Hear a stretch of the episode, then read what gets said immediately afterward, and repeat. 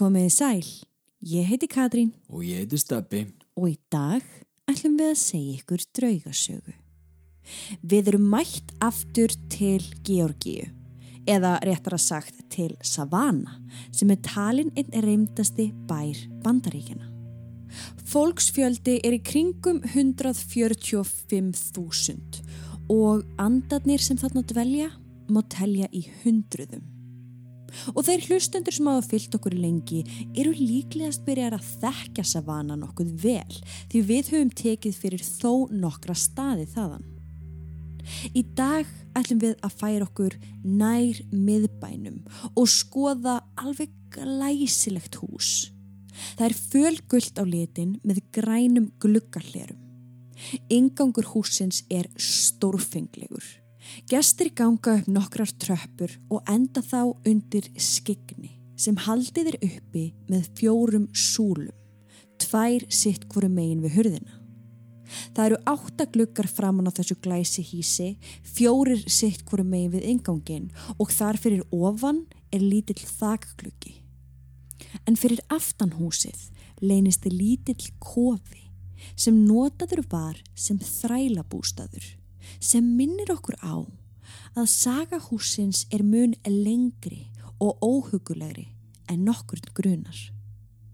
Veri velkomin í Owen Thomas húsið.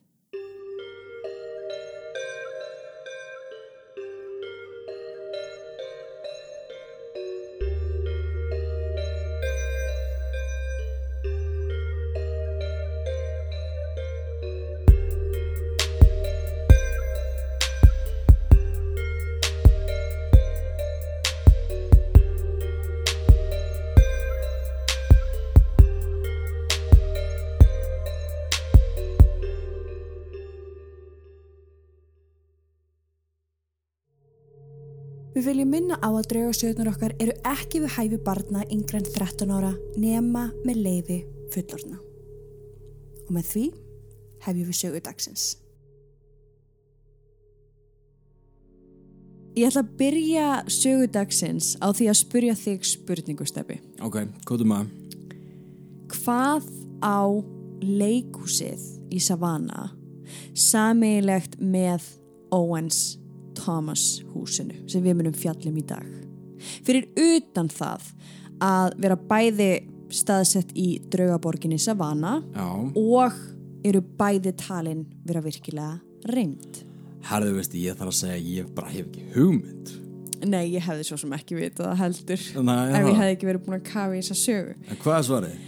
Svarið er að þau voru bæði byggð af bresku arkitektinni William J. Og það virðist vera að listrænir hæfileikar Williams til að byggja þessi stórglæsilegu mannverki búi yfir framúskarandi gæðum sem haldi áfram að fanga augu hinn að látnu sem og hinn að levandi. Vá, jú, ok. Frægasta myndin af William J. sýnir hann með mikið en þó þund, dögt hár, brún augu og nef í stærralagi. En hann er vel klættur og virðist ágætlega vinalegu maður. Þessi ágæti maður byggði Owen Thomas húsið árið 1819 sem er talið vera eitt dularfylsta húsið í Savannah en þann dag í dag.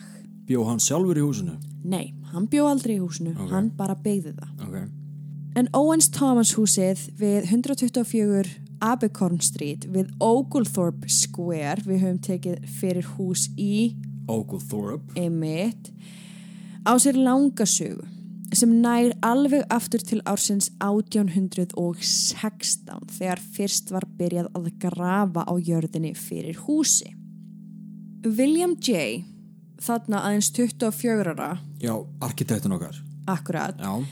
byrjaði í raun að teikna áætlanir fyrir húsið á meðan hann var enn á Englandi og sendi verkstjórunum síðan reglulega teikningar. Svo í rauninni var planið hans að færa svolítið þennan enska byggingastil til Georgíu í Bandaríkjanum. Mm, ég skil. Jay sjálfur kom svo til Savannah ekki löngu eftir að grunnurinn á húsinu var lagður og á tveimur árum var húsið full byggt.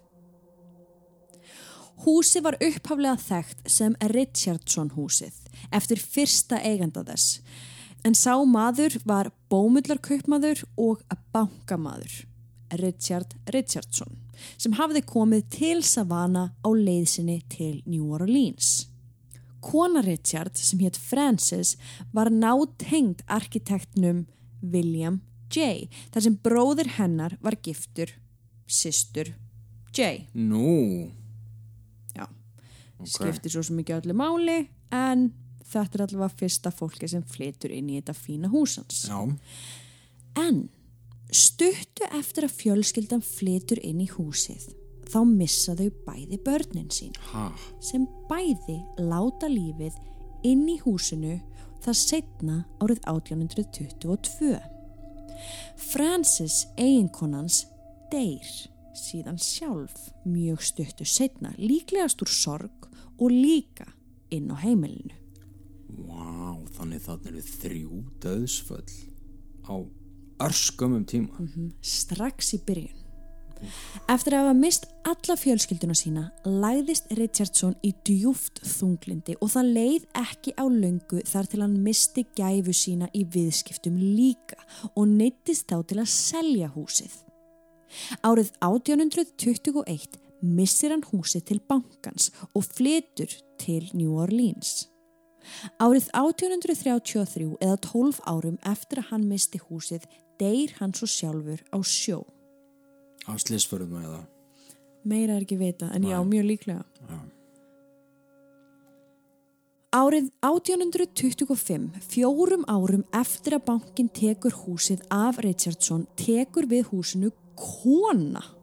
ok. Hvað finnst okkur um það? Það er svolítið merkilegt árið 1825, Einmitt. en vel gert. Kona sem var þarna orðin ekja að nafni Mary Maxwell og þarna rak hún einhvers konar gistihús fyrir þá sem áttu leið hjá. Í húsinu okkar. Já. Ok, að því að eins og við segjum alltaf kíkið á myndirnar ég ætla ekki að reyna að útskýra fyrir ykkur hvernig þetta hús lítur út að því þetta er eiginlega bara eins og kastali já, eða bara einhvers konar höll. En þetta gistihús hennar uh, var í miklu uppáhaldi hjá byltingarstríðshetjunni Marquise de Lafayette sem var mjög frægur á þessum tíma og hann átti það til að fara út á svalinnar og halda hvetjandi ræður fyrir mannsfjöldan sem hafði sapnast þarna saman fyrir utan til þess að líta stríðshetjun á augum. nú, ok. Þannig að ef við hugsum bara aðeins bara um orkuna sem er komin hann í húsið Já, rosalega mikið þarna. Mm -hmm. Kröftugt, ok. mjög kröftugt. Árið 1830 var húsið selt lögmanninum og stjórnmálamanninum George Wellsman Owens fyrir 10.000 dollara.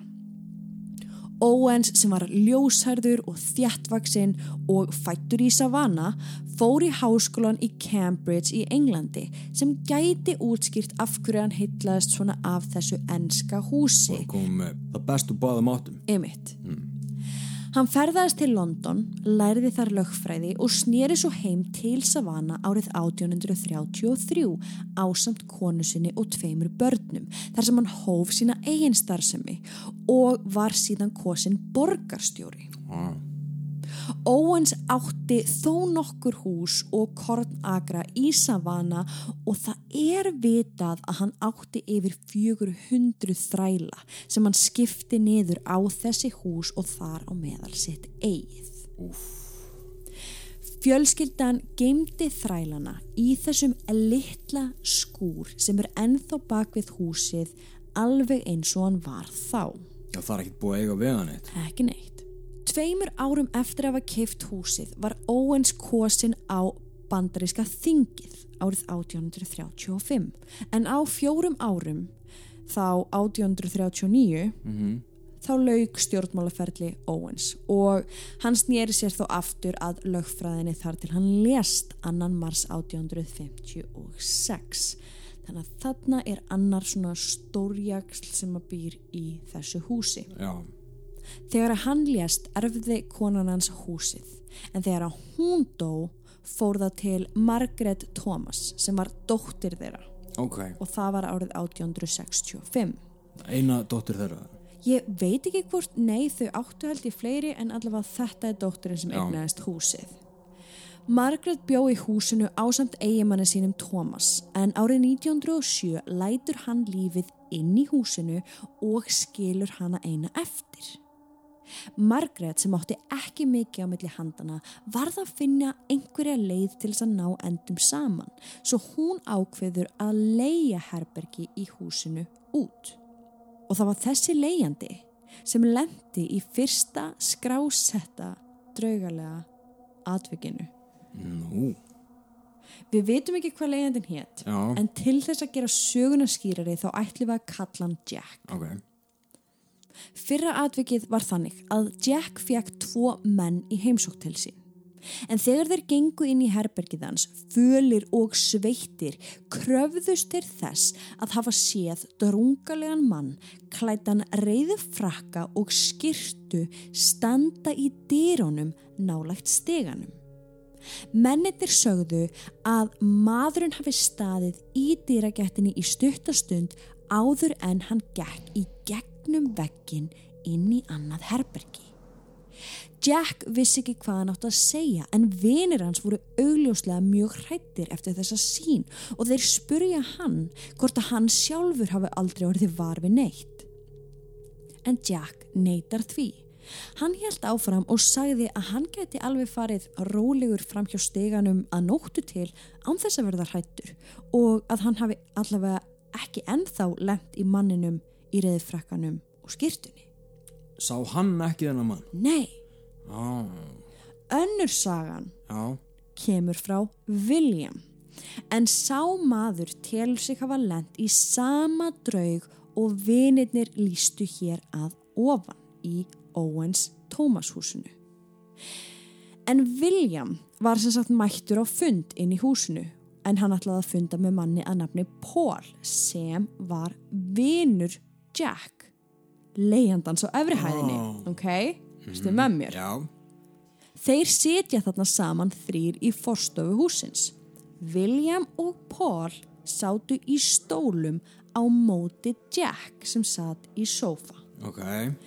Þremenningarnir höfðu verið djúft soknir í samtali í rúman klukkutíma þegar að Paul allt í einu gerir aðtjóðsamt við mann sem hafði á einhver dulafullan hátt byrst aftast í herberginu fyrir aftan Jack sem satt í sófanum.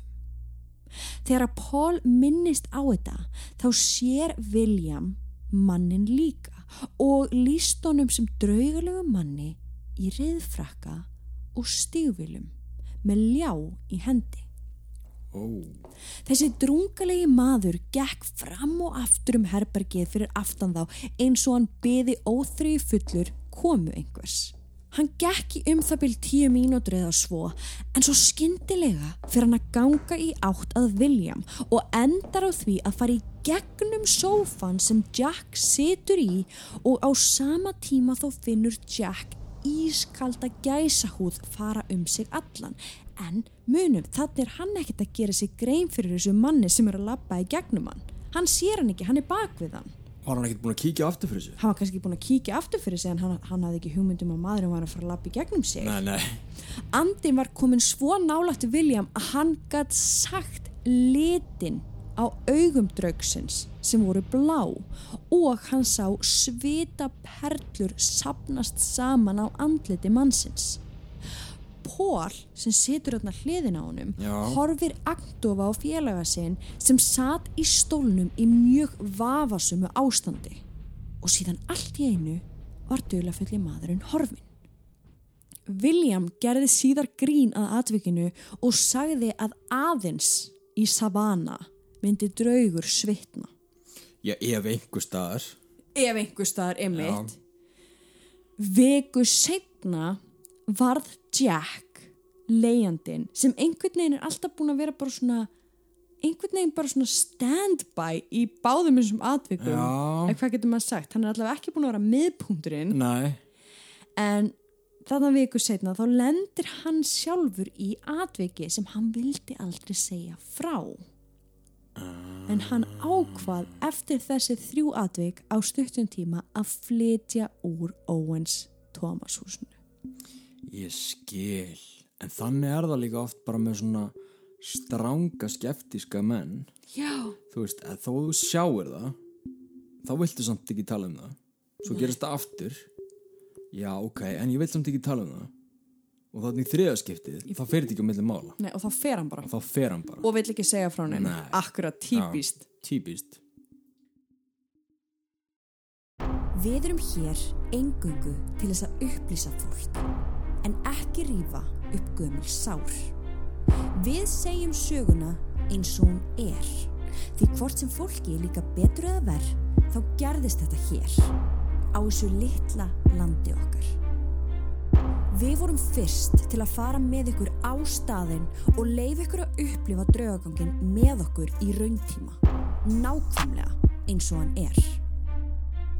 Við erum með sönnunagögn sem engin annar á Íslandi hefur náð. Það er ástæða fyrir því að við erum fremst í flokki þegar að kemur að draugagangi á Íslandi.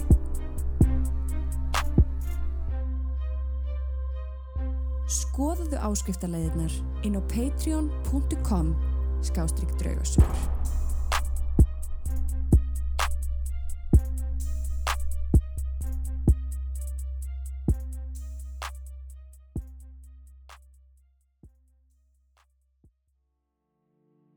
Það er ekki vitað hvort að leigusalinn, hún Margrét, hafi upplifað eitthvað svipað og leiðandi hennar. En það er þó vitað að hún hafi stanslausar áökjur af því hvað yrði um húsið eftir andlátt hennar. En hún ákvað á endanum að ánafna Telfair Academy of Arts and Science húsið árið 1951 eftir að hún var látin. Í erfðarskráni sagði hún að hún vildi að húsinu yrði breytt í sapn og hún gerði kröfu um að sapnið yrði nefnt bæði eftir afennar og föður.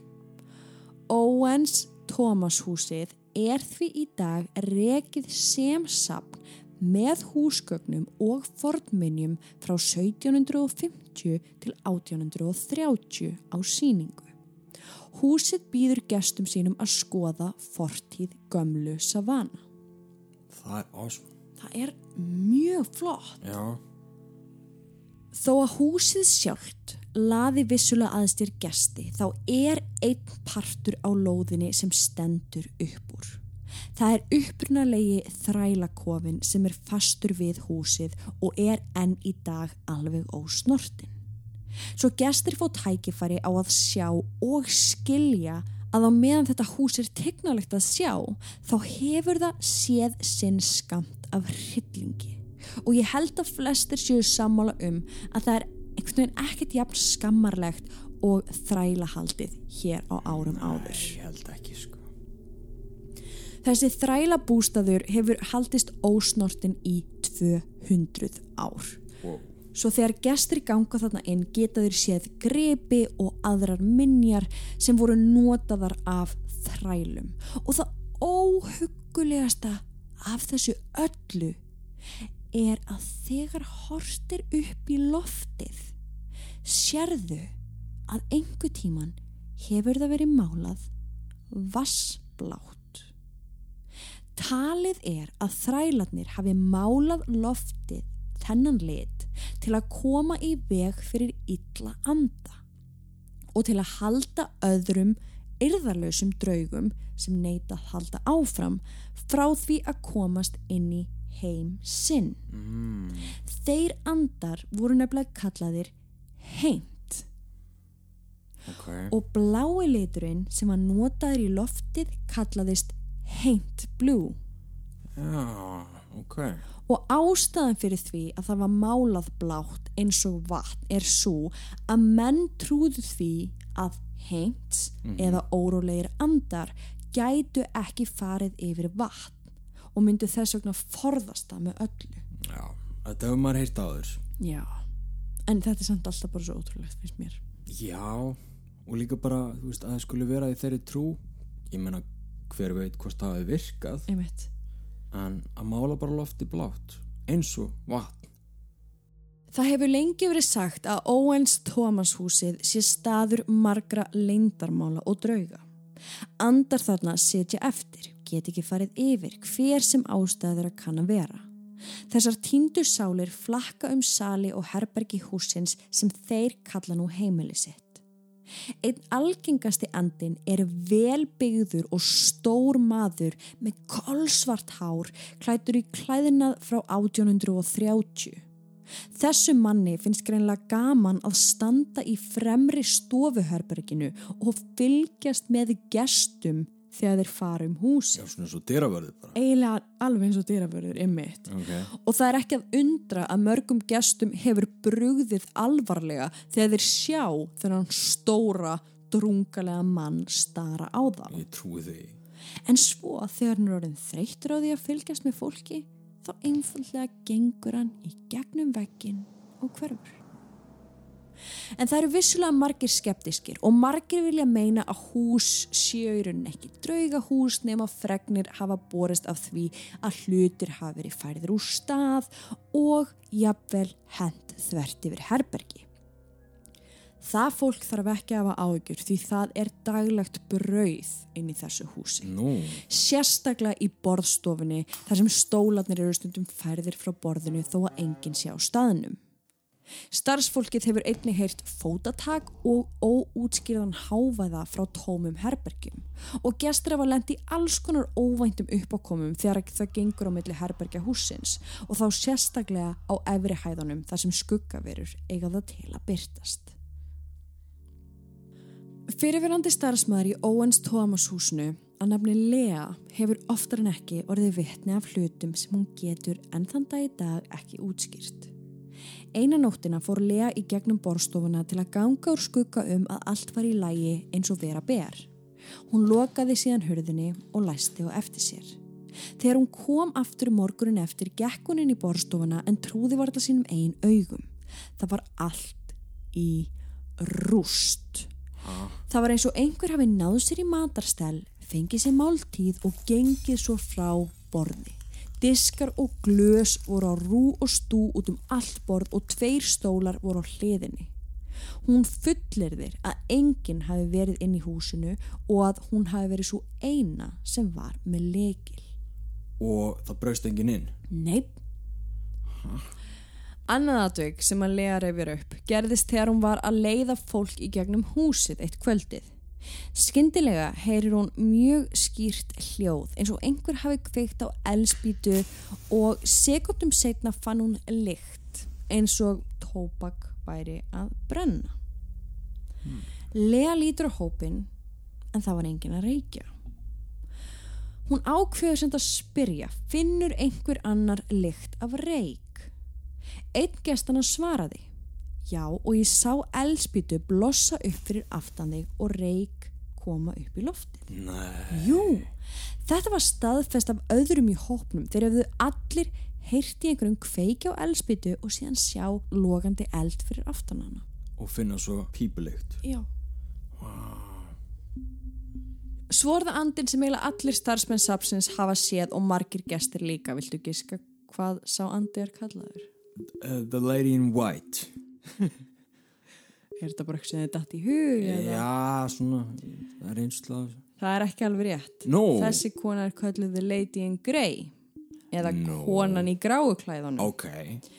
Þessi sérstaka Lady in Grey er talin vera Andi Margaret. Thomas. Jep. Ah. Andi hennar sést oftast á nóttunni röltandi um garðin þar sem hún eitti svo miklum hluta æfisinnar. Hún er víst með stóra húfu á höfðinu og grátt sjálum herðarnar. En sagan segir einmitt að rúmið sem Margaret dói sé ennþá inn í húsinu. Þannig að mögulega er andinar bundin við rúmið á einhvern hátt eða garðin sem hún elskaði svo að því það er náttúrulega algjörlega, það er vitað að andar sem að elska húsið sitt eða elska garðin sinna þeir oftast eru þar Já, og líka bara það sem hún var seinast. ymmit. Og ég menna henni þótti það vænt um húsið að hún vildi breyta þessu sapn og, Já. og heyra minningu pappa sinns og... Afa síns. En vitum við eitthvað hver þessi hérna með ljáin var? Nei, Það er ekki komið í ljósa þá. nei. Hefur hann sést aftur? Actually, jú, jú, hann hefur sérst sko en málið er bara að ég er búin að skoða núna myndir og ég veit ekki hva, hver ætti að vera maður í reyðjakka og skirtu stígvílu með ljá. Ég veit ekki, þetta hljómar ekki eins og neitt sem hefur búið þarna. Nei, og þetta var ekki þræll. Það var ekki bláauður og Jú, já, mögulega þegar þetta var gistiheimili. Já, já. Það er náttúrulega margi sem farða á og gegn. Já En það er erfitt að vita líka sömulegis maðurinn sem að sést þarna sem gestur sjá sem stendur þarna í dýragettinni, þessi stóri Já, hver er Hver er það? mm. Augljóslega skortir ekki hróllveikjandi sögur í Owens Thomas húsinu og allir starfsmenn eru sammála því og tilbúinir að segja öllum þeim sem vilja hlusta frá öllu því óhugulega sem gerist á venjulegri vakt. Það eru sögur frá þeim og frásagnir gesta sem heldur orðspori húsins á lofti. Vissulega hafa ekki allir séð konuna í gráuklæðanum eða sterkbyggðamannin í dyragettinni en það eru allir sammála um að ljósmyndir sem eru teknar á staðanum annarkort inn í húsinu eða fyrir utan það Já, þær eru oftar en ekki ansi áhugaverðar. Gestur hafa tekið myndir en svo þegar þeir skoða þær betur þegar heim er komið sjá þeir glitta fyrir skuggaveru í horninu eða mögulega sitjandi á rúminu. Eitthvað sem að þau sáu ekki með berum augum þegar myndin var tekin. næ, næ Eitt gestur sem heimsótti safnið fullir þér að á einni mynd sem hún tók uh, var hægt að sjá skýrt andlit í glugganum og annari mynd virtist sem það væru stórar ljósagnir í kringum hefði sögulega Owens Thomas hús. Erum við með þessar myndir? Nei! Á, við verðum að finna þér Já, ég skal reyna mögulega, við skulum reyna að finna þær Já, áður en við gefum út þáttuðin. En í svona fljótu, nei, ég er alveg búin að leita svolítið. já, ok En á síðustu ljósmyndinni sem Já. hún tók kemur fyrir draugaleg dökk stelpa og hún var það skýr að gesturinn gætt séð að hún var klætt í bláan kjól og stóð hliðin á öðrum gest sem virtist ekkert taka eftir henni. Það er óljóst hver þessi litla stelpa gæti verið en mögulega gæti þarna verið um að ræða þræl sem lét lífið á lóðinni. Öllum líkjendum, sko Já. Sem stendur er þetta sögufræga hús rekið af Telfer safninu sem er fyrsta ofinbera safnið sem var stopnað í söður hluta bandaríkjana og hefur Owen Thomas húsið verið útnefnt sögulegt kennileiti síðan 1976. Húsið er alveg eins og það var í upphafi og hefur enski stílinn fengið að njóta sín alveg til dagsins í dag með húsgögnum og listaverkum frá því tímabili og nokkrum munum sem koma frá Owens fjölskyldinni. Þessi bygging er talin vera svo allra glæsilegasta og er hún hápunkturinn í gamla hverfinu í Savannah og með sinni löngu fortíð er auðvilt að sjá hvers vegna andar fyrirverandi gesta og íbúa halda áfram að flakkum húsið.